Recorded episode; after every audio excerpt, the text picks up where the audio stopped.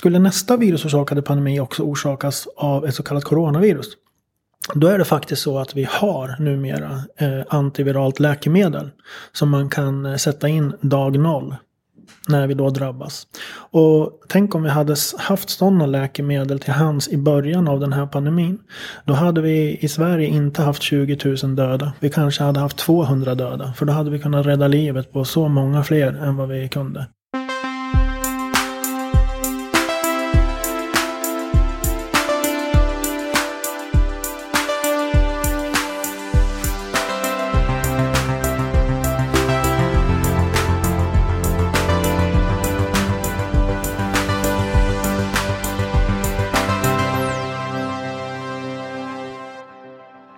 Var vi igång igen eh, med Heja Framtiden, podcasten med mig Christian von Essen. Jag sitter i eh, studion här på Roslagsgatan 23 i Stockholm tillsammans med Niklas Arnberg. Välkommen hit. Tack så mycket. Har du eh, tvättat händerna? Absolut. Lagom mycket har jag gjort kan man säga. Lagom mycket? Ja, man har ju fått höra det också av andra experter inom vårdhygien. Att man ska inte tvätta ihjäl händerna heller. För då tar händerna stryk. Men man ska hitta lite lagom sätt att tvätta händerna också. Så man inte blir för fnasig. Nej, exakt ja. Mm -hmm. eh, professor i virologi vid Umeå universitet. Stämmer bra det. Ska vi eh, hoppa in där lite. Vad, vad är virologi då? Om man tänker Eh, Eh, i relation till exempel epidemiologi. Mm, ja, men precis. Epidemiologi det handlar ju om eh, mycket olika saker. Det, olika smittämnen till exempel och hur man tittar på hur smittämnen sprider sig över länder till exempel, över tid och många sådana saker. Medan eh, virologi det handlar i grund och botten om kunskapen eller läran om, om virus. Och inte bara virusorsakade sjukdomar utan själva viruspartiklarna i sig också. Men också om eh, virusorsakade sjukdomar. Hur människor blir sjuka, patogenes, det vill säga sjukdomsorsakande mekanismer. Kan koppla till eh, även utveckling av antivirala läkemedel och mediciner och ganska mycket. Hur ramlade du in på det här spåret? Ja du, det där har ju sitt ursprung egentligen i att eh, jag har en eh, yngre bror som är blödarsjuk. Och på 80-talet då när vi var små så var man i riskgruppen för att eh, få HIV och så småningom aids. Om man då var blödarsjuk och eh, fick medicin som är renat från blod där viruset finns då. Nu har han tur och lever och mår väldigt bra idag men många av hans blödarsjuka kompisar som då blev mina kompisar också. De hade inte samma tur så de eh, gick bort på den tiden och då fick man vara där och säga hej då till många av sina goda vänner. Och det gjorde intryck och avtryck så jag bestämde mig där och då för att bli virusforskare. Kan man väl säga. Så det är på den banan där. Det var det som hände där och då. Där, nu är man här idag och jobbar med virusorsakade sjukdomar. Just det, under pandemin så tog du extra kliv framåt då i debatten och lanserade eller startade någonting som heter virus och pandemifonden. Ja, precis. Tillsammans med 250 andra forskare. Ja, precis ja. Eh, då är det så här, vi har en sån ideell förening som heter Svenska sällskapet för virologi. Eller hette så i alla fall fram till några år sedan. Och det vi gjorde fram tills pandemin började, det var väl egentligen att vi ordnade ett årligt möte för virusforskare i Sverige där vi pratar om virusforskning och så bjuder vi in internationella ledande virusforskare som berättar om sin forskning. Och så har vi också då kan man säga någon typ av plattform varmed vi kan hjälpa doktorander med resestipendium och sånt. Då. Men då tänkte vi nu när pandemin drog igång att det är lite grann nu eller aldrig som vi kan försöka göra någonting som då kanske liknar Cancerfonden till exempel där svenska cancerforskare samlar in pengar för Cancerfonden då, som ger tillbaka till sjukvården verktyg och kunskap för att motverka och bekämpa och förhindra cancersjukdomar. Så vi tänkte att nej, men det är nu som vi måste göra någonting när det gäller virusorsakade sjukdomar också. Då, för det är ett jätteproblem i samhället. Det ser vi ju även när vi inte har pandemi. Att sjukvården går lite grann på knäna. Och så sent som idag här nu så läste jag att SÖS går upp i stabsläge. Och då är det inte bara för covid utan det är influensa och det är RS-virus. Och sjukvården har inte riktigt de här verktygen eller kunskapen som man skulle behöva för att upptäcka och förstå och förhindra och behandla virusorsakade sjukdomar. Så då tänkte vi att ja, men, eh, nu gör vi ett försök i alla fall. Så då var det två års arbete med att dra igång organisation och verksamhet, administration och sådana här saker. Och då var det eh, väldigt lärorikt, väldigt mycket jobb, väldigt roligt också. Men nu känns det som att eh, det börjar hända saker i alla fall. Så det är jättekul. Mm, du sa just innan att det tar lite tid att Mm, det gör det. bygga saker. Jo. Jo, och ibland är det nog lika bra också att man inte vet hur svårt saker och ting är, hur lång tid det kommer ta och vilken uppförsbacke det är man börjar traska upp för så att säga. För hade man vetat om allt det där innan då hade man nog inte satsat på det. Men ibland är det bra att vara lite naiv också och tro att saker och ting ska gå lätt. Det Mm. kan underlätta faktiskt. Eh, Men eh, i era virologkretsar Mm. så måste ni ha varit eh, ganska förberedda på eh, coronapandemin när den bröt ut. Eller, eller Mm. var, var ni också i det läget att man underskattade allvaret? Nej, eller ja, vi, vi vet ju aldrig liksom vad som väntar bakom. Inte ens vi vet som, vad som kan vänta bakom hörnet när det gäller virusorsakade utbrott och pandemier. Vi har vetat att saker och ting kan komma att hända. Vi, vet, vi har vetat och det, ja, att, att eh, det kan bli milda utbrott, pandemier, lite grann som det var med svininfluensan för 13-14 år sedan. Och sen har vi nog varit förberedda på också att det kan komma att bli någonting som blir riktigt, riktigt tufft. Så som den här pandemin. Och vi får nog vara inställda på att det kan bli utbrott och pandemier som kan vara tuffare än den här också så småningom. Och vi har väl som försökt att prata lite grann om de här sakerna innan. Men med facit i hand så får man väl säga att nej, vi har inte varit tillräckligt bra på att prata om de här. Vi lyckades ju komma faktiskt så långt som att vi fick hålla ett föredrag i riksdagen bara någon månad innan pandemin drog igång. För att prata om precis de här sakerna. Men också vanliga virusorsakade sjukdomar. Eh, det kom inte så himla många eh, som lyssnade på oss där och då. Det var väl lite kul i, i alla fall på något sätt och vis. För att när vi då nämnde det här för någon journalist eh, in, några månader in i pandemin. Då tyckte man att ja men har ni pratat om det här och sett det här komma? Och så hände inte så himla mycket.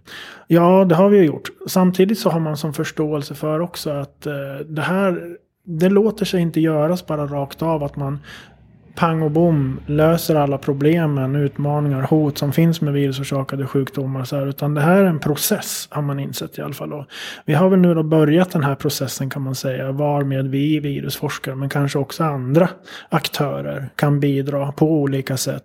För att sjukvården då, för det är det det handlar om, ska få tillgång till mer kunskap och bättre verktyg för att hantera de här problemen.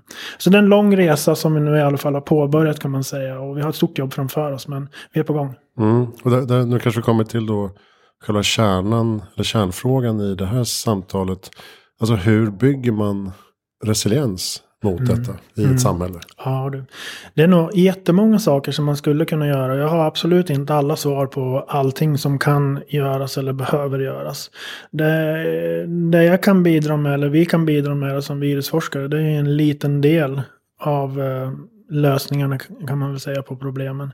Och det handlar väl eh, som vi ser det om att eh, vi behöver forska fram mer kunskap. Mera mediciner. Det behövs fler vacciner. Eh, det behövs kanske framförallt någonting som kallas då för diagnostik skulle jag säga. Och det är ju någonting som jag inte håller på med själv. Men det har att göra med att om man då diagnostiserar och testar mer om vad som finns där ute, vad som snurrar runt i samhället. Då får man mer kunskap om vilka virusorsakade sjukdomar som finns där, ute. Och vilka sjukdom, sjukdomar olika virus orsakar. Och lyckas vi då få mer kunskap om det, det är ju då som vi kan börja försöka tänka kring och agera proaktivt, preventivt. För att vi långsiktigt ska kunna hantera de här sakerna på ett bättre sätt. Nu är det nog ganska mycket så fortfarande, fastän vi är tre år in i den här pandemin, att blir man sjuk på något sätt då, ja men ibland kanske man går till, ibland går man inte ens till vårdcentralen, man stannar hemma. Så får man aldrig veta vad det är man blir sjuk av. Ibland går man till vårdcentralen. Ibland går man ju dit med sina barn också för att man är orolig för barnen. Vad är det de har för någonting? Och så tar man det här lilla sticket i fingret. Snabbsänkan kallas det för. Och visar det sig att det är positivt. Då brukar man generellt sett utgå ifrån att det är någon bakterieorsakad sjukdom. Och då kan man få antibiotika om man blir så pass sjuk. Är det här negativt det här provet? Ja men då brukar man få höra att nej, men det är något virus. Och så skickas det sällan iväg ens något prov just på, för så att säga då, diagnostik. Och då får man inte veta vilket virus det är. Och så länge det här blir någon slags moment 22. Då rör vi oss inte framåt i den här processen. Men det är väl det jag tänker i alla fall. Att om man börjar testa mer och få mer kunskap om vad som snurrar där. Det är då vi kan börja göra saker. Så det är väl åt det där hållet som jag tänker att vi är på väg. Det är en sak som Ja, virusforskning Och kan då, bidra då kanske inte ens patienten behöver få reda på det. Ja, de får inte reda på det. Nej. Och det, det har att göra med det andra problemet i den här frågan. Det är då att vi har så försvinnande få mediciner mot virus. Vi har massa bra antibiotika som fungerar mot bakterier trots problem med resistens. Och det är ju ett jätteproblem i sig. Eh, men när det gäller virusorsakade sjukdomar så har vi kanske läkemedel, alltså antivirala mediciner mot 1% av alla virus som vi vet om orsakar sjukdomar. Och då finns det liksom inga incitament för sjukvården att skicka iväg prover för testning. Om det nu ändå inte är så att man kan göra någonting. För det kostar ju pengar att testa. Mm. Och så har man ingenting att göra med den här kunskapen.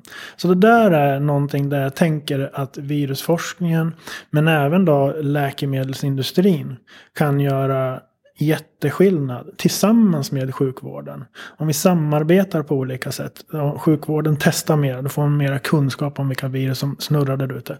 Och vi virusforskare kan då försöka forska fram embryon kan man säga till antivirala läkemedel för att göra en lång historia kort. Och så får ju som industrin ta över. För vi virusforskare kan ju inte bedriva läkemedelsindustri heller. Då. Så det är, det är som en process det här med många olika aktörer som behöver samverka. Sen tror jag att det finns mycket annat man kan göra också. För att minska smittspridning ute i samhället. Eh, man kan, kanske kan göra omvärldsanalys och titta på länder där man bor otroligt mycket tätare än vad vi gör i Sverige till exempel. Då, som är Japan. Där man eh, bor väldigt, väldigt trångt och där man har haft att hantera smittsamma sjukdomar på ett helt annat sätt än vad vi har. Så där, har man, där är man ju faktiskt väldigt mycket noggrannare med till exempel handhygien. Man är jättenoggrann med det. Och eh, man är noggrann med att bära munskydd på ett sätt som vi inte har gjort. Sen tror jag också att man kan bygga eh, jag, har inga, jag är ju som ingen samhällsarkitekt. Men jag tänker och ser framför mig ändå att man kanske i framtiden kan tänka in smittskydd när man eh, bygger skolor eller äldreboende eller vad det skulle kunna vara för någonting. Men, så det finns nog jättemycket man kan göra för att bygga resiliens mot virusorsakade utbrott och pandemier. Det tror jag. Mm, det känns som att många blev förvånade över att det inte fanns större beredskap. Mm. När man ändå vet att hotet hela tiden finns. Precis. Um, och då är frågan vad det är för typ av beredskap man skulle kunna haft då. Men mm. IVA-platser var väl en sak. Som, som var, mm. och heter, respiratorer. Ja. Och. Um, där det var förvånande att, att det var så som brist. Ja. Är det en framkomlig väg att bygga upp man vill inte bygga upp jättelager och sånt heller antar jag. Nej, det, där, det är en jätteviktig fråga. Hur ska man hitta balans i allt det här? Eh, balans i att, för beredskap kostar ju också. Ja. Det är ju någonting som kostar pengar över tid. Så länge lager och sånt inte används så är ju det en kostnad. Och det är ju som hela samhället strävar efter att bli mer kostnadseffektivt. Men priset man får betala då om man inte har beredskap när det väl smäller till. Det kan ju bli otroligt högt. Så som det nu då faktiskt blev. Och det känns väl som att vi märkte här i Sverige att vi har inte varit i någon kris eller någon riktigt krig liksom på vad de är 200 år. Jämfört med grannländerna som som eh, var med om andra världskriget till exempel. Då. Där hade man en annan typ av krisberedskap. Vi såg i Finland att där hade man inte liksom sån här sjukvårdsutrustningslager för, på en dag för dag basis. Utan där hade man större lager så man klarade mm. av det. Annat som man kan göra också som man ser att vi inte riktigt var bra på i Sverige här nu då i början av pandemin. Det var att vi, vi kunde inte ta hand om våra äldre. På äldreboendena så hade man jätteproblem. Och jämför man då med till exempel Norge som i och för sig då är ett mycket rikare land än vad vi, vi är i Sverige. Där hade man ju ändå då ännu mer personal per brukare så att säga. Och kunde skydda dem på ett annat sätt än vad vi klarade av att göra i, i Sverige. Så det, det finns en hel del som, andra saker som vi kan göra också. Råder konsensus i ert gäng, nu säger jag ert gäng, era mm. kretsar. Mm. Att, eh, alltså var det bara en slump att det inte blev en ännu värre sjukdom? Ett ännu värre virus? Eller, mm. eller är det någonting mm. med det här hyfsat lindriga. Att det är mm. därför det sprids så otroligt snabbt. Mm. Du, är, du är inne på en, eh, en, en eh, intressant Slags sak paradox, där. Ja, precis, ja, precis. För skulle det vara så att, eh, jag menar i den värsta av världar så skulle det börja spridas ett virus som dels är supersmittsamt och sen samtidigt superfarligt. Ebola till exempel. Ja, precis ja. Men, e, ja, precis ja. Men ebola är ändå inte så himla smittsamt. Som Nej, tur är. Nej, mm. det är ju inte det. Det, är inte, det sprids via kontakt framförallt när man vidrör varandra. Det är kroppsvätskor, eh, sådana saker. Visst kan det vara lite när människor som har jättemycket virus i luftvägar och kroppen och de hostar hostar och nyser så här, då kan det förekomma sånt också. Men det är inte luftburet på samma sätt som eh, en del andra virus är. Så det är inte supersmittsamt man kan nog ändå säga som så här att man behöver inte vara tokrädd för att det ska bli en pandemi som orsakas av ett virus som dels är supersmittsamt och samtidigt superfarligt. För den kombinationen går inte riktigt ihop. För är ett virus jättefarligt, då blir man sjuk väldigt snabbt. Och då blir man sängliggande. Och när man då är sängliggande, hemma eller på ett sjukhus till exempel, då sprider man inte smittan på samma sätt som man gör om man bara är milt sjuk. Och det här viruset som orsakar den här pandemin, eh, covid-19 då, det här viruset som heter sars coronavirus 2, det var på något sätt ganska eh, vad ska man säga? Lömskt. Lömskt. Och det hade liksom de här nästan perfekta förutsättningarna för att orsaka en, en pandemi redan från början. För det var inte för farligt. Och samtidigt så var det redan tillräckligt smittsamt från början. Så det behövde anpassa sig lite grann för att bara bli ännu mer smittsamt. Och samtidigt då orsaka jättemycket problem. Mm. Så det här, det här var nog en ganska typisk pandemi kan man säga. Så det här är något sånt som vi dessvärre eh, har att förhålla oss till även i framtiden. Och det där kokar ju ner också till eh, sådana här saker så som att idag så är vi 8 miljarder människor på jorden. Vi reser mer än vad vi någonsin har gjort förut. Vi älskar ju att resa. Det är ju fantastiskt att resa. Samtidigt då så skövlar vi regnskog. Vi utarmar den biologiska mångfalden. Vi har en, inte alls skulle jag säga på totalen, hållbar livsmedelsindustri. Där man samlar höns, kycklingar, det kan vara getter, får, boskap eller vad det nu är för någonting. Då, på ganska liten yta ofta. Vilket på totalen innebär att vi människor då ändå utsätter oss för så kallade zoonoser på ett sätt som vi aldrig har gjort förut. Och med zoonos så betyder det att virus hoppar över artbarriären. Från djur till människor. Och då potentiellt riskerar att börja sprida sig vidare mellan människor. Precis som sars coronavirus 2 gjorde för nu ungefär tre år sedan. Och nu har det kommit några nya studier. Eh, en ny studie som publicerades i en fantastiskt bra tidskrift som heter Nature. Och där trovärdig eh, forskning kan man säga då. Där man beräknar att vi människor nu då, på grund av klimatförändringar och på grund av det som jag nämnde nyss, kan säga globalisering egentligen då, beräknas att exponera oss som en människor då för inte mindre än 4000 så kallade zoonotiska event fram till och med 2070. Och nu har vi inte så mycket att jämföra med. Vi vet inte riktigt vad vi har utsatt oss för tidigare under åren. Men det här innebär ändå då att eh, vi måste ta höjd för och förbereda oss för att sådana här saker kommer att hända mer ofta i framtiden. Och WHO här nu, de har utlyst inte mindre än sju globala hälsonödlägen under de senaste 13 åren. Som alla har orsakats av olika typer av virus. Och det, det har att göra med de här sakerna. Att vi blir fler och fler människor, vi reser väldigt mycket, eh, vi utarmar biologiska mångfalden och sånt. Så det här är någonting som vi kan behöva förhålla oss till. Vi måste tänka nytt, fräscht, visionärt och ambitiöst inför framtiden. Så det, ja, det är därför vi har startat den här virus och pandemifonden. Mm. Då, för att adressera en del av de här problemen. Samtidigt kan man säga att globaliseringen också har möjliggjort den här extremt snabba vaccinframtagningen som skedde ja. under pandemin. Ja, ja, ja, ja. Det måste ju vara rekord ja, ja, ja, ja, precis. Ja. Jo, alltså det är fantastiskt. Och här, här känns det ju verkligen som att man får, eh, man får bevis på vad forskningen kan göra. Och det är inte, i det här fallet så var det ju verkligen inte virusforskning som gjorde att vi fick de här fantastiska vaccinerna. Utan det har att göra med att andra forskare har tyckt att det var intressant att titta på molekyler som kallas för RNA. Och så har man tänkt tanken då, jo men de här, den här typen av molekyler kanske man kan använda i cancerforskningen. Och så är det mest liksom då för att förstå RNA-molekyler och hur man kan använda sådana molekyler för att behandla och bota cancer. Så man har tittat mycket på det här. Sen när pandemin drog igång så tänkte man att ja men kolla, vi kanske kan använda den här tekniken också för att utveckla vacciner mot coronavirus. Och så visade det sig att ja, det gick fantastiskt bra. Och det är väl man blir som så glad när man, när man då tittar tillbaka i backspegeln och ser framför oss, liksom, eller bakom oss i det här fallet, då, att den här typen av vaccin, den har ju faktiskt räddat världen från ett betydligt värre öde. Vi såg, vi såg, vi såg pandemin komma, men när, den, när pandemin drog igång också, då tänkte vi att oj, hur länge ska det här hålla på egentligen? För det här är ju ett virus som inte har orsakat pandemier förut. Vi har erfarenheter av influensavirusorsakade pandemier tidigare. Som då har pågått upp till tre år egentligen innan de går över.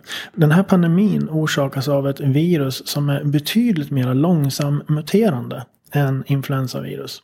Så vi har vant oss vid liksom att ja, men, pandemisk influensa övergår till att bli så kallad säsongsinfluensa inom upp till tre år. Och det har att göra med att det viruset anpassas och muterar ganska snabbt till att landa i att bli ett vanligt Influensavirus. Men det här viruset muterar långsammare, vilket då har gjort att vi har tänkt och befarat att det kan ta ännu längre tid innan det landar och blir ett vanligt säsongskoronavirus. Eh, och det har ju inte landat än fastän vi nu då är tre år in i pandemin. Så vi vet fortfarande inte hur lång tid det kommer ta innan det landar så att säga.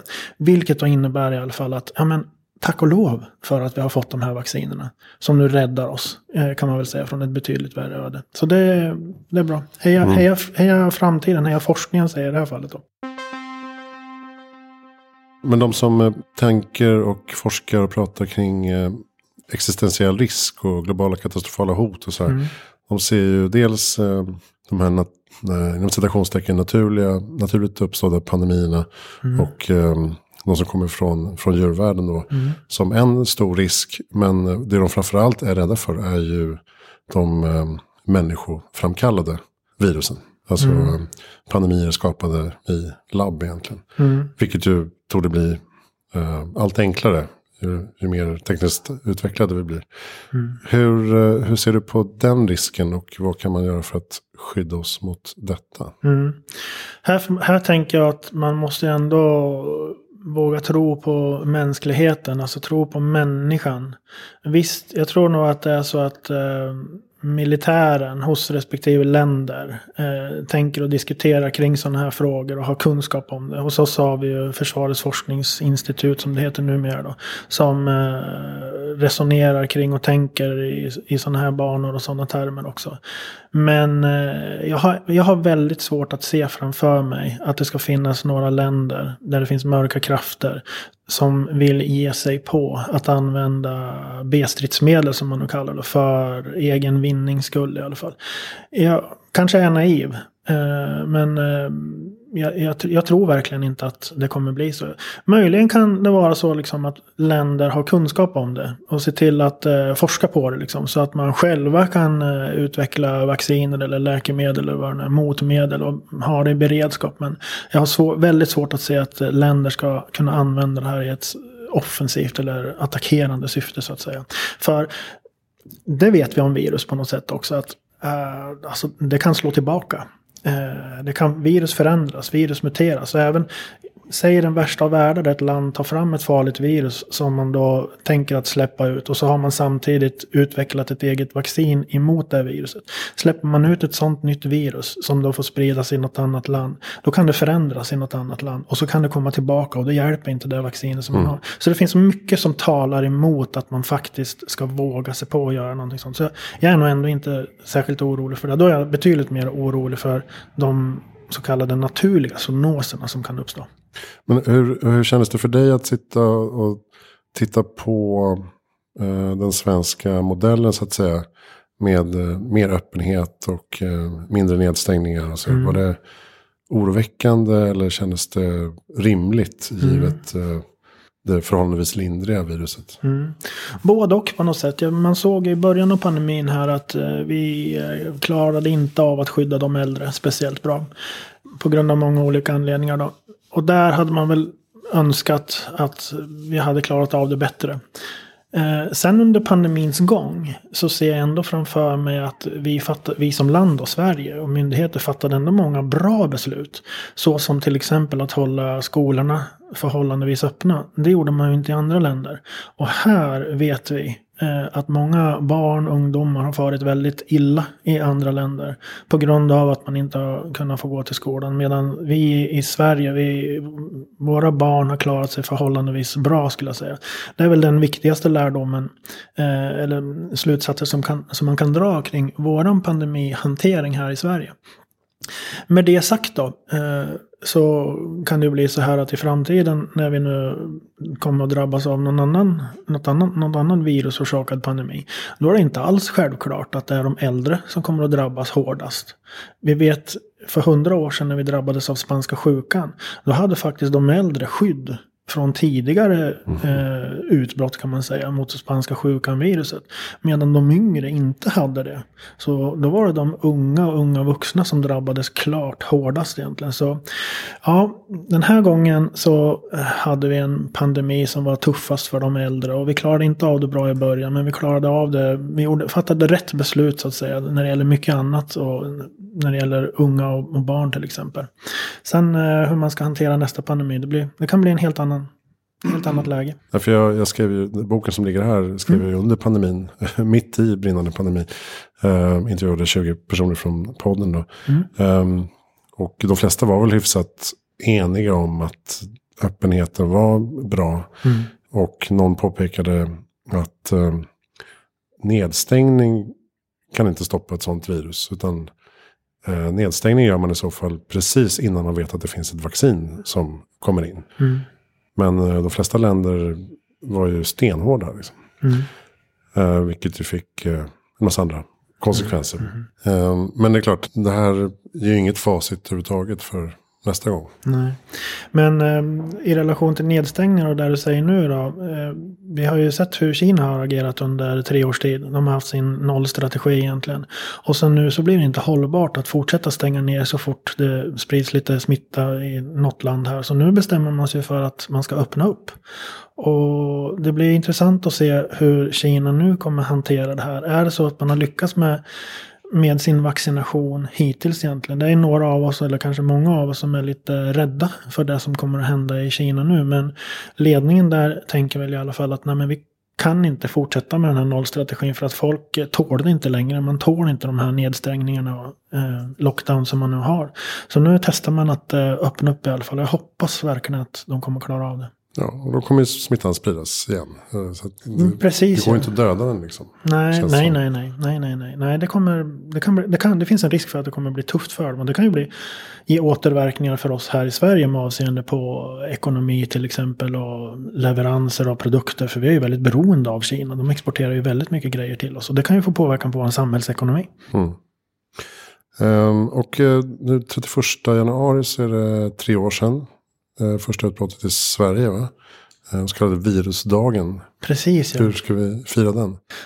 Precis ja, fira och fira. Ja, eh, vi i vårt sällskap här nu virus och pandemifonden. Vi, vi, bestäm, vi, vi anhöll om att få en dag som uppkallas liksom efter det här virus och pandemier egentligen. Eh, ja, det finns ju kanelbullens dag, det finns antibiotikaveckan, det finns en massa olika dagar. Och vi tyckte att ja, men 31 januari kan vara en bra dag. Därför att det var då vi fick det första fallet av covid i Sverige för snart tre år sedan. Då. Så det blir som en möjlighet att eh, lyfta upp den här frågan och prata om de här problemen så att vi vidtar åtgärder så att vi inte drabbas lika hårt igen i framtiden. Och så tänkte vi väl också att den dagen är ju som första dagen innan den månaden kommer som i folkmun då kallas för vabruari. Mm. När föräldrar är hemma och vabbar med sina virussjuka barn oftast. Så det blir som en möjlighet att eh, sätta fingret på de här problemen och utmaningarna.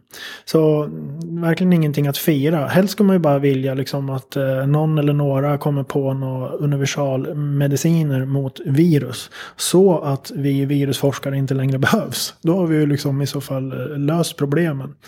Men där är vi inte riktigt än. Men eh, om man ser på just att det är tre år sedan. Vad, vad är skillnaden idag då? Eh, om det skulle dyka upp en ny pandemi. Vad, finns det en större beredskap? Eller mm. är på noll igen? Mm, det skulle jag nog säga ändå. I den bästa av världar så skulle den här vaccinplattformen då, som bygger på RNA-tekniken. Då skulle den funka mot eh, andra virus också. Eh, och det är nog det man kommer att satsa på. För det går fort och det är för, förhållandevis säkert skulle man säga. Det är extremt lite biverkningar, extremt liten risk i förhållande till all den nyttan.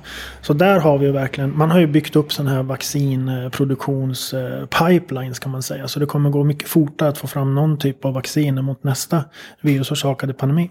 Skulle nästa virusorsakade pandemi också orsakas av ett så kallat coronavirus då är det faktiskt så att vi har numera eh, antiviralt läkemedel som man kan eh, sätta in dag noll när vi då drabbas. Och jag brukar säga som så här då att tänk om vi hade haft sådana läkemedel till hands i början av den här pandemin. Då hade vi i Sverige inte haft 20 000 döda. Vi kanske hade haft 200 döda. För då hade vi kunnat rädda livet på så många fler än vad vi kunde eh, i början av den här pandemin. Och det är väl så man eh, skulle vilja att det blir också när vi drabbas av nästa virusorsakade pandemi. Att man då från dag noll har antivirala läkemedel på plats.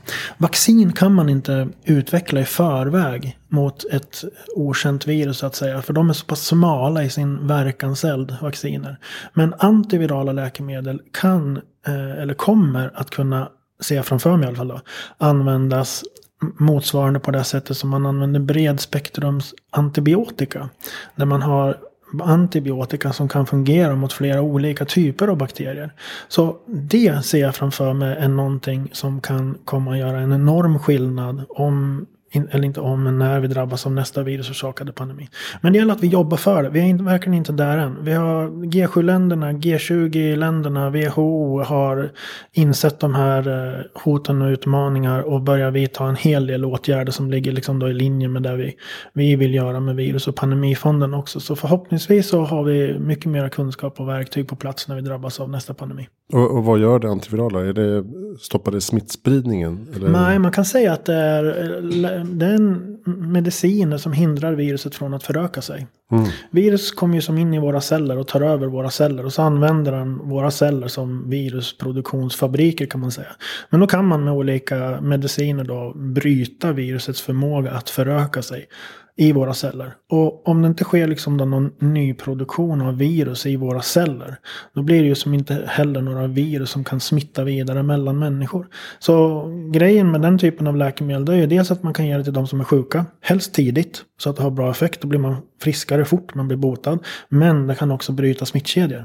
Så har man sådana läkemedel till hands till exempel. Tänk om vi hade haft sådana läkemedel till hands att sätta in på äldreboendena i början av den här pandemin. Mm. Då hade man kunnat ge det dels till de som är sjuka men också till de som är i rummen bredvid.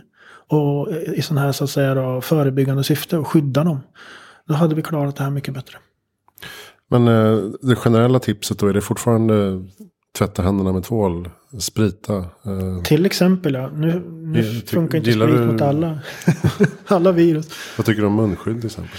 Ja, det har vi väl lärt oss i alla fall. Det kan ha en funktion. Det kan ha absolut en effekt. Eh, den största skillnaden, liksom, det, mesta som vi, bästa som vi har lärt oss under den här pandemin, det är väl egentligen då att vi inte ska gå till jobbet och träffa andra människor när vi är sjuka. För det är då som smittspridningen sker och det är då som det andra, tredje, fjärde led kan drabba de människor som är äldst och skörast och som då blir sjukast och blir inlagda på sjukhus till exempel. Så se till att eh, vi under den här pandemin då fortsätter skydda våra äldre så tillvida att vi, och, och varandra också för den delen, då, att vi stannar hemma när vi är sjuka. Jobba hemifrån om vi kan. Det är inte alla som kan det till exempel. Men eh, ja, det finns en del sådana saker vi kan göra. Under den här hösten och vintern så har det varit ganska mycket influensa, förkylning. Eh, sånt som man kanske inte hade lika mycket av under pandemin då. Är det, är det värt att ta reda på exakt vad det är hela tiden? Eller ser man det bara som att stanna hemma, det här går mm. ur kroppen? Liksom? Ja, nej, men än så länge så har inte sjukvården eh, resurserna kan man säga, eller verktygen för att eh, diagnostisera och leta efter varje virus som varje människa blir sjuk av. De förutsättningarna finns inte idag. Men en liten framtidsspaning skulle ändå kunna vara då att vi så småningom om några år eh, kan utrusta, det är ju som drömmen skulle kunna vara i alla fall då. Utrusta till exempel primärvården eller äldrevården med den här typen av snabbtest eller snabb PCR-tester. Så att man snabbt kan få veta vilket virus man är infekterad av. Och då kan man förhoppningsvis i kombination med mediciner behandla och göra människor friska samtidigt som vi bryter smittkedjor. Eh, där är vi nog inte än idag. Så eh, det man kan göra nu som ung vuxen eller vuxen eller vad det nu är för någonting. När man blir sjuk. Ja, blir man inte superduper sjuk. Ja men då är det egentligen bara att stanna hemma och vänta tills eländet går över. Det är väl det man kan göra. Mm. Uh, jag brukar fråga, vad är det bästa tips för att göra världen bättre i framtiden?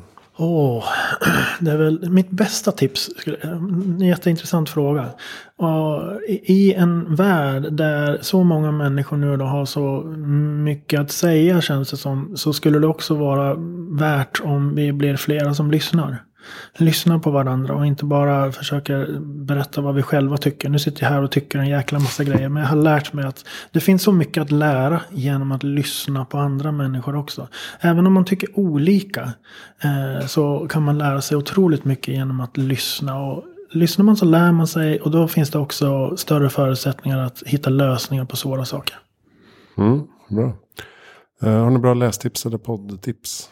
Nu har jag faktiskt inte läst en bok sen hela den här pandemin drog igång. Men jag fick en eh, bok av mina barn här nu när jag fyllde år för några dagar sedan. Som heter Havsörnens skrik. Och som är en del i den här Millennium-trilogin. Så den har jag börjat läsa i alla fall och den verkar bra. Ja, nya Karin Smirnoff. Eh, Precis. Just det, ja, det är mm. spännande att se mm. hon har förvaltat det där. Exakt. Um, vem tycker att jag ska intervjua? Då tycker jag du ska höra efter med Johan Styrud som är ordförande i Stockholms läkarförening om eh, sjukvårdens förutsättningar att hantera den här pandemin. Mm. Blir lite grann på samma tema kanske, men eh, det där är en fråga som eh, är viktig. Ja, hur man tänker kring nästa gång då. Mm. Beredskap. Mm. Till exempel. Bra. Då var vi ganska klara. Tack snälla Niklas Svanberg för att du kom till Framtiden. Tack så mycket. Och um, var hittar man dig? LinkedIn? LinkedIn till exempel. Jag är inte super mycket ute på sociala medier än så länge. Men eh, finns också på Umeå universitets hemsida med telefonnummer och e-post. Om man skulle vilja svara på så mycket e-post som jag bara kan. Bra. Och eh, boken som jag skrev heter alltså Vad händer nu med framtiden? Eh, 20 visioner om Sverige efter corona. Den kommer då sommaren 2020. Så vi får se hur den åldras. Men eh, vissa spaningar håller, vissa håller inte. Den ekonomiska krisen kom till exempel inte då, utan den kommer kanske nu istället. Här framtiden.se där hittar du all information om eh, mina poddgäster och andra projekt med böcker, magasin, förlag, nyhetsbrev, föreläsningar, moderatorskap och så vidare. Jag heter Christian von Essen. Tack snälla för att du lyssnade.